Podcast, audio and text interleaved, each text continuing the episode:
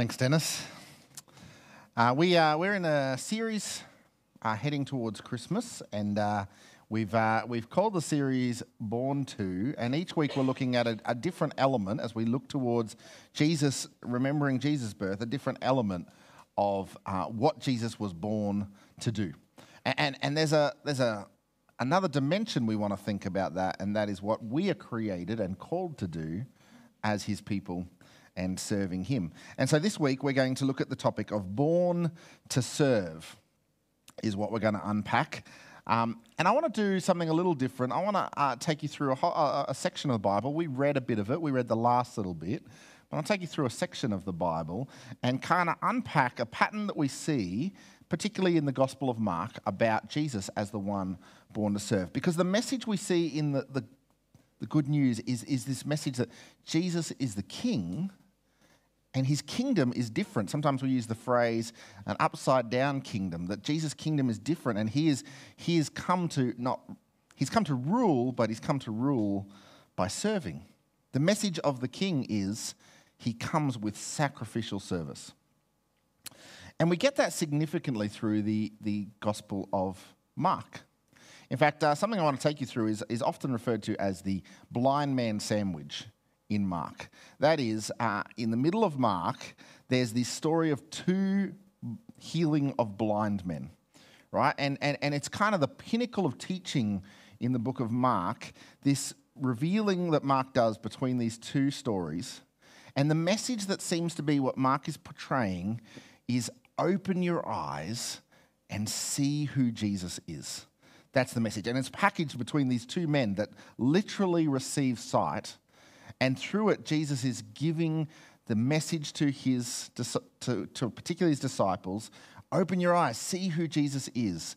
And uh, what we'll discover as we see it is uh, we, we, they, they grab glimpses of it, but we know that it's not really till Jesus actually rises again that the disciples really have their eyes open. So here's what I want to do. We're going to we're to jump into Mark chapter 8. So if you have a Bible there on your phone or, um, or a hard copy, uh, I'd like you to follow along with me. We're going to skim uh, this, but I want you to see some of the structure and some of what's happening here in Mark as we look through this message of open your eyes and see who Jesus is.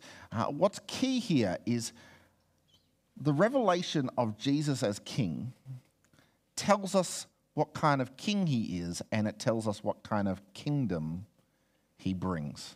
And if we understand the king and we understand his kingdom, then it tells us what kind of people should be in that kingdom, what kind of people we should be.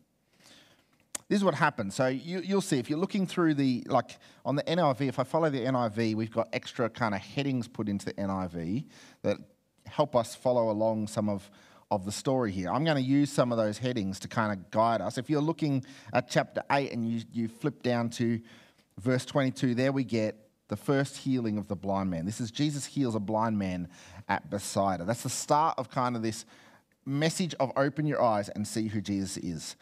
The very next story, we get one of the clearest statements about Jesus, who Jesus is, in the book of Mark. Uh, it's titled there, Jesus, Peter declares that Jesus is the Messiah. Uh, if you know the story, Peter, Jesus, right after he's healed a blind man, he asks his disciples, he kind of starts off quite soft and he just goes, you know, who, who do people say I am? And the disciples, I mean, I kind of imagine they're, they're kind of hesitant, trying to figure out, you know, they've been following him, they're trying to work this out, and they start saying, oh, some say, you know, Elijah, the prophets. Like they kind of throw some things out. So Jesus asks them to, to draw a line in the sand. Jesus says, Who do you say I am? And we get this great moment from Peter, right? This is one of Peter's great bold moments he steps out from the crowd and he says, You are the Messiah. Right? This is, this is Mark telling us this story. Open your eyes and see who Jesus is. Peter, he seems to get it.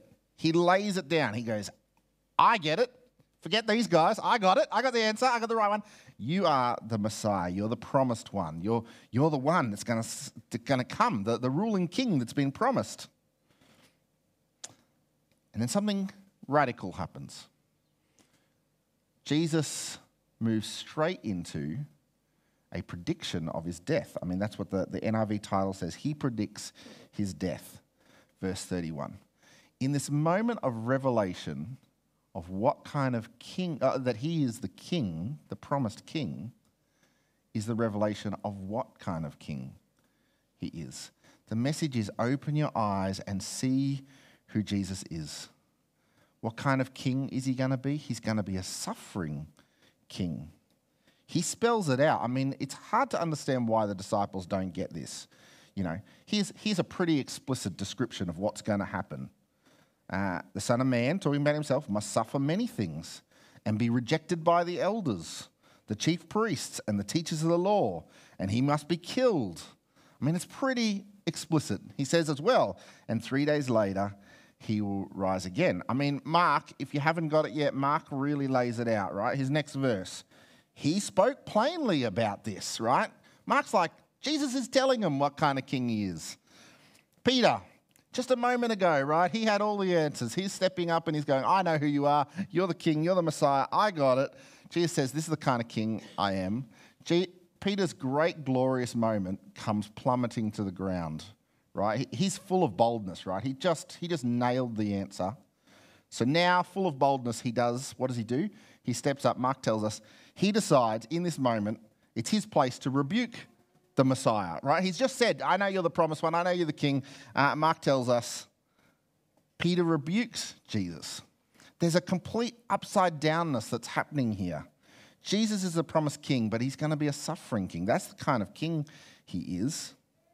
And so, verse 33 when Jesus turned and looked at his disciples, he rebuked Peter. And we get this incredible line. Jesus says, Get behind me, Satan. That's how strongly Jesus wants to say, This is not the way of my kingdom. The way of Jesus' kingdom is suffering. He is the suffering king. He's the king that's going to come and suffer. That's his prediction of his death. We, we, we often, some people often talk about kind of that time of Jesus going into Jerusalem, dying and rising again, is described as his passion. And that's why the movie, The Passion of the Christ, that's, covers that, that span. And so what's happening here is Jesus, as he tells what kind of king he is, he gives a prophecy of the passion. Uh, Mark, in fact, Matthew, Mark, and John all give three very similar, three prophecies of the passion that Jesus gives three times. John has a few extras, um, but these three guys, three times they give this, this kind of explicit thing. And with that prophecy of the passion, next to that comes a pattern. That's what the king is going to do. Then Jesus says, This is what his people are going to be like. If that's the king, this is what the kingdom looks like. And he starts to tell them he carries on from, from his rebuke of Peter to start to say, This is the way of the king. Verse 34 Whoever wants to be my disciple must deny themselves, take up their cross. I mean, Jesus hasn't said crucifixion yet, but he gives a very explicit image of what it looks like to be his disciples. Take up their cross and follow me. Whoever wants to save their life will lose it, but whoever loses their life for me and the gospel will save it. This is the message. Jesus has come born to serve. It's sacrificial service. I um, and and so this is the way of his kingdom, his people, to be a people of sacrificial service. I saw a, uh, a blog, a video blog the other day. Someone was talking about um, their beliefs, and they were saying, in, specifically talking about Christianity, that Christianity makes no sense because why would God come and die? And you've probably heard that argument before. I've heard that argument before. The line goes if he's God, if he's all powerful, why? Like, he can do anything. He doesn't need to, doesn't need to die. He could, he could just offer forgiveness freely if he can do anything. And, and there's two things I think we need to think about as we wrestle with that idea. Uh, the first one is um, what kind of king God is. So, God can do anything, but he won't do things that are against his character. He won't do things against his nature. I mean, we would we, we hesitate to use the language he can't because it's against his character, but he won't. It's against his character. And so, if God is holy, then he won't do things that are not holy. If God is love, he won't do things that are not loving. And so the message of, of Jesus coming to die reminds us just how significant sin is and reminds us that God is a God of holiness, that God is a God of justice. It reminds us that there is a price that needed to be paid. That Jesus ransomed, he paid that price for sin. And so that is why this is the kind of kingdom it is, and he is, this is the kind of king he is, because it's part of wrapped up in his identity and it's wrapped up in the issue of sin and holiness and how that separates us from God. The second thing is that he is the sovereign one, and this is how he has chosen to serve. This is the way of his kingdom. If God can do anything, then who are we to question how he did what he did? This is the way. Jesus is revealing to his people the kind of king he is, and in that he shows us what kind of kingdom he wants, he has. It's a suffering, serving kingdom. This is the way of the king. So we get that picture. Mark uh, as he reveals who Jesus is, he, he has tell, tells us a prophecy of the passion, and we get this, this pattern that follows. If that's what the king is, this is what the kingdom's like. I want you to turn with me to uh, chapter 9 of Mark. We're going to go down to, there's a few other things that uh, Mark tells us as he retells this story and revealing who Jesus is. But I want to focus particularly on these prophecies of the Passion. So we get a second one in verse 30. Mark chapter 9, verse 30. In the NIV, there's a heading Jesus predicts his death a second time. Right? Once again, he's incredibly explicit about that. He tells them the Son of Man is going to be delivered into the hands of, of men. They will kill him, and after three days, he'll rise again. The message from Mark open your eyes, see the king, understand what kind of king he is. Verse 32 But they did not understand what, about what he meant. That's the prophecy of the Passion that's followed by this pattern. This one's quite humorous. It, it seems astounding. Jesus is, Jesus is telling what kind of king he is. It's going to be suffering.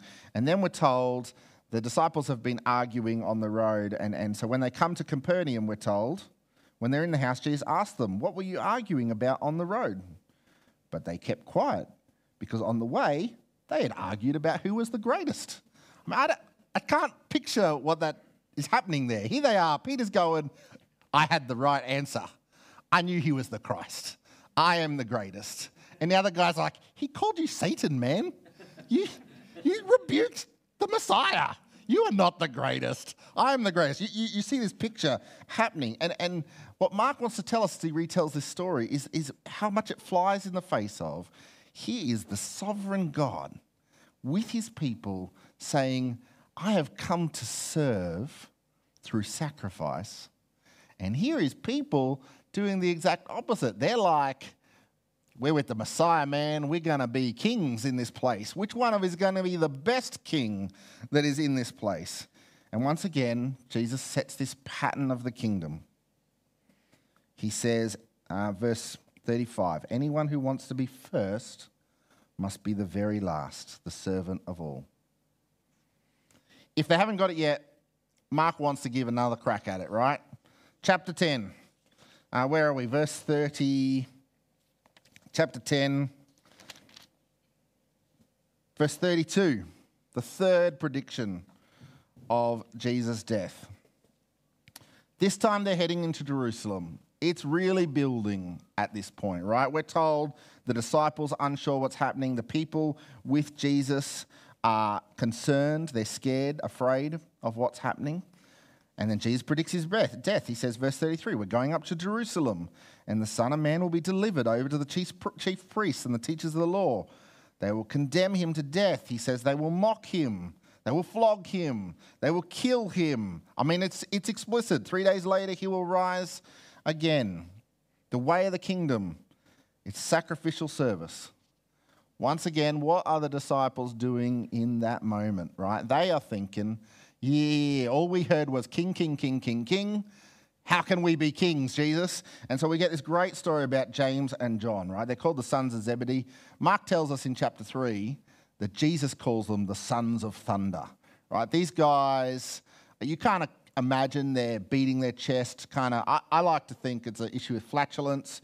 That's kind of my own thinking about the sons of thunder. These guys, they show up to Jesus. Uh, and in all this, three times Jesus said it to them. Three times he said this is going to happen. Three times he said, This is the way of the kingdom. And then they come up and they say, Hey, you know, when you get, you know, kingdom thing you're talking about, when you become king, can we, you know, sit on your right and on your left? Can we be the kings with you, right? They are, I mean, they're beating their chest, but they are doofuses. They just, they don't have it. Uh, Matthew pushes it one step further. So Matthew tells the same story, uh, although a little bit different. When we find diff- stories in the Bible between the gospel writers and, and there's differences, it, it, it makes us think two things. The first one is maybe this happened more than once, right? And we're getting a different retelling. If this happened more than once, it only really shows that they're more doofuses than, than here. The second thing might be that there was more stuff happening, and so as someone else tells the same story, they tell differently. Well, Matthew tells us that James and John's mother comes to Jesus and says, Hey, do you reckon my boys could? So not only are they doofuses, they're mama's boys, these, are, these sons of thunder. Uh, it's quite ironic, this, this kind of scene of these men. And Jesus seems astounded, right? He has just said what kind of king he's going to be. He's going to be suffering. I mean, he gave the explicit rejection, mocking, beating, killing. This is what kind of king he is. They go, yeah, yeah, can we be that? He says, can you drink the cup I'm going to drink, right? He, he's told them what that cup looks like. And they get this, get this unison from them. I feel like I, I picture Merry and Pippin from Lord of the Rings, right? Two guys standing there and he says, you going to drink the cup that, that I drink? They go, yes, we can. Yeah, we're, we're in for this. And Jesus says, and they don't understand how heavy it is, he says, you will. You will drink that cup. You will suffer that way. But it's not mine to decide who's on my right and on my left. And then once again, he teaches them. He's shown them the prediction of the prophet, the passion, and then that's, the, that's what the kingdom looks like, and then the pattern. He unpacks with his disciples. Verse 25 You know that the rulers of Gentiles lord over them, and their high officials exercise authority over them. Not so with you, right? This is the pattern of the kingdom. Instead, whoever wants to become great amongst you must be servant, and whoever wants to be fast, first must be slave. Just as the Son of Man did not come to serve, but to be served, and give, not to come to be served, but to serve, and give his life as a ransom for many. This is the way of the king, born to serve. And that service is sacrificial service. I mean, it's, a, it's an incredible idea to, to use that phrase, the king came to serve. That's, that's a contradiction, right? The king came to serve. That's, that's the picture of the kind of king he is. If you look in your Bible, the very next thing that happens after the request of James and John is blind Bartimaeus receives his sight, right? That's the blind man sandwich. It is Mark packaging these stories for us to say, open your eyes, see who Jesus is. Recognize the King and recognize the kingdom. And with that, we recognize what the people in the kingdom ought to be like. Now, let me be, be clear for a moment. It's really important that we separate uh, what Jesus does in the Passion as a form, as the salvation for his people, and what we do as the pattern in following him, right? The pattern is not the salvation. There's, there's some that would say when Jesus died on the cross, right, he, he offered an example. His dying for our sins is actually an example of how we also die to sin. And so the, his death on his, uh, for our sins is really just an example. And all we have to do is also sacrificially serve God, and we will receive salvation from our sins. That's not the message of the gospel. The message of the gospel is that Jesus paid the price for our sins on the cross. that Jesus is doing something there that only God can do, and he is redeeming, he's paying that price for us, and he proves that he's conquered over that with his resurrection. Some would say, you know, whether Jesus actually rose from the dead is not that important. Well, if, if you believe his, his salvation is just an example, then of course, then he did that, and if we follow that, we could receive salvation. That's not the message of the Bible. He paid a price for his sins, and we receive salvation by putting our faith in Jesus' work, in what he did. From that, we also see a pattern that he set for what the kingdom is like. Our salvation is in his work, our calling is to follow him. And Jesus has laid out explicitly what following him looks like. And it's quite a radical and quite a countercultural concept. Uh, we, are in a, a, a time, um, a cultural time where people feel like the idea to be sacrificial is something that we, we can't ask people to do. We shouldn't ask people to do. I, I don't know if you felt it. That line, um, whoever wants to be first must be your slave. That call for us to submit ourselves as slavery, in a, in a, as servants to the point of slaves, is, is such a countercultural thing. And it's such a jarring thing to think we might. In fact, people would say, to even say that, to even re- suggest that others should serve, that we should serve others in that way, is an, is an abusive thing to say to people. But it is the way of the kingdom, and it's what we are called to do. And the king set that example. Mark 8, we read, he says, Deny yourself, take up your cross, lose your life. Mark 9, he says, The first will be last. Mark 10, he says, Greatness is serving. That's what it looks like. And that's what we're called to do. What does sacrificial service look like? I, it, it looks like kingdom attitude and it looks like kingdom activity, kingdom action. I um, was listening to a, another podcast this week, which was um, Mike Tyson um, has a, a podcast that I came across this week. You, you might know Mike Tyson. He was the heavyweight boxing champion of the world. Some would say the greatest ever heavyweight boxing champion. Uh, he runs a um, he runs a podcast called Hot Boxing with Mike Tyson. Um, and uh, he's on there with Terry Crews. Terry Crews, also, you may know, he's a quite a successful actor. Um, he, uh, he was an NRL player. These two guys are talking about kind of what it looks like to be, to, to be men. And, and Mike is talking about the wrestle he had between what he learnt in the ring as far as how to win and what lo- winning in life looked like. He says, I learnt in the ring that to win, I just hit people as hard as I can, right? I, if I want to win, I need to hurt people. That's, that's the way to winning. Um, and he says, and, and everything, in order to be successful, just channeling, filling my life with anger and channeling that anger was part of what I did to win. Outside of the ring, he learnt, and, and, and he went to prison for things he did, he learnt that hurting people is not how you win.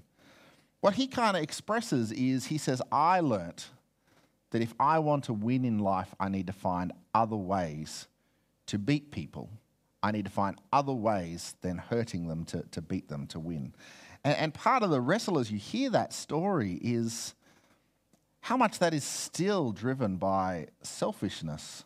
How much that is still driven by my goal in life is to win over and above everyone else him and Terry Crews continue by talking about um, the idea that we should be kind to other people and love other people. And, and Terry Crews ends up saying, I, you know, I just want to be real. I can't, can't love everyone and I, I shouldn't love everyone. And, and Mike Tyson says this line. This is actually what got me to watch the podcast because I saw this line on other social media. The line that Mike says if you're a friend to everyone, you're an enemy to yourself. That's his line. If you're a friend to everyone, you're an enemy to yourself. Terry Crews is just stopped in his tracks at a moment. He goes, Yes, yes, that's so true. And that just looking at the string of comments on social media of just saying, oh, wow, this is such a great statement. That's right. If you're a friend to everyone, you're an enemy to yourself. That is not the message we find in the Bible. In fact, the Bible gives us a message that we should love our enemies. Some of the comments in the chat feed are saying, uh, you can't love people you don't know. I just think that's not true. You can love people you don't know. In fact, we do every day. Everyone shows different acts. If, if love is an action, you show different kinds of love to people all the time. And we can think of profound ways that people love people they don't know. God calls us to that kind of love in every way. And, and it's a wrestle in our lives, right? I'm not saying that we're perfect at it. And, and, and as much as those guys would say, you know, you can't love everyone, we know that we don't. We know that we fail, but we are called to keep on working on it. That is part of denying ourselves. That is the way of the kingdom. That is the way of the king. And that is what we are called to do. That is the kingdom attitude. And with that needs to come kingdom action. With that needs to come actual acts of service. What does it look like to lose our lives, to deny ourselves? One of the things it looks like is to stand for what we believe even when it's countercultural. To say this is what we are called to do even when people criticize that and pull it down. To stand for Christian values even when we know that they are um, that, that the opposition comes in things like the Christian stance on uh, marriage, the Christian stance on gender. Some of those things are extremely difficult in, in society to navigate at the moment, but part of denying ourselves and, and living life of service to God means standing for those things, even despite our reputation. I heard a, a, preacher say, you know, what does it look like to lose your life? To some, that means outright martyrdom. And we look through history and see people that, that gave their life for Christ, and, and a powerful thing. And we can be quite thankful that we expect that for most of us, all of us, that's not likely to be something we experience. We don't know what the future holds in, in that space, but that doesn't seem like something we are called to, certainly at the moment, to, to actually die for Jesus. And so, what we are called to do is to live for Him, and we have to figure out what denying ourselves looks like in that. This guy, this preacher made this statement. He says, It starts with denying, losing your life starts with, he said, losing your Sundays for Jesus. And I thought that's a, I mean, it seems like such a trivial thing, right? On the back of saying some people, you know, die for Jesus, and we like, surely we can't distill it down to that point. But there is something there. Uh, and this guy used a great example, and he talked about, you know, particularly a time in history where people in the community would drop their kids off to Sunday school at churches. So drop your kids off at Sunday school because it gave you a, a morning to yourself, right? You drop your kids off, the church, free childcare for half a day, go off and do your shopping or whatever, come back and pick them up. Um, and so, you know, the church offered this opportunity for people to gain a Sunday for themselves. Uh, this is what this preacher said. He said, The transformation of the gospel is so that it's to such the point that people will not only not do that, but they will give their Sunday to be the one that teaches those kids in Sunday school. That they would give their life not only not take the free childcare, but actually work to take the opportunity to teach the gospel to children on a Sunday. Giving our time is part of what it means to lose our life. Focusing on our treasures is something that it looks like. Living a life for Jesus may mean it means we, we're not going to pursue the most beautiful house and we're going to give other things to God than just trying to chase that kind of prestige, comfortable living. It may look like we're not going to pursue kind of jobs in a way that we might. In the business world, it might mean facing things like making honest decisions uh, rather than decisions that might result in better outcomes for the business, but focusing on integrity and honesty. These are things that it looks like to lose our life and live lives of service for God. something I think we need to consider and keep working on as Christians is sacrifice for the needy. It's something that uh, the church has been characterized throughout history as caring for those that are in need, and it's something that we need to keep working at. In fact, one of the great blessings of modern society that the church has worked really hard at is setting up great charities. I mean, vast majority of charities in the world have been generated and set up by Christians. Um, some of that means actually we are in danger of kind of stepping back from that and saying, they do that, we don't have to. We actually want to be people of service. Kingdom attitude results in kingdom action. Jesus was born to serve through sacrificial service. And we, as his people, want to be people of sacrificial service. It's a, it's, it's a radical idea to, to deny ourselves and give a life to God in that way. I want to encourage you in that. I encourage you in working out ways that you live a life of sacrificial service. Let me pray.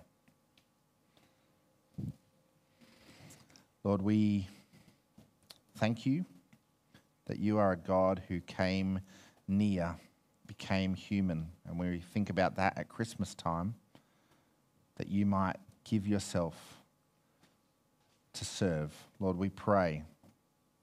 We pray that we would receive that sacrifice you have offered, the price that you have paid, that we would put our trust and faith in you, and that would result in transforming work in us that we might grow in lives of sacrifice. Amen.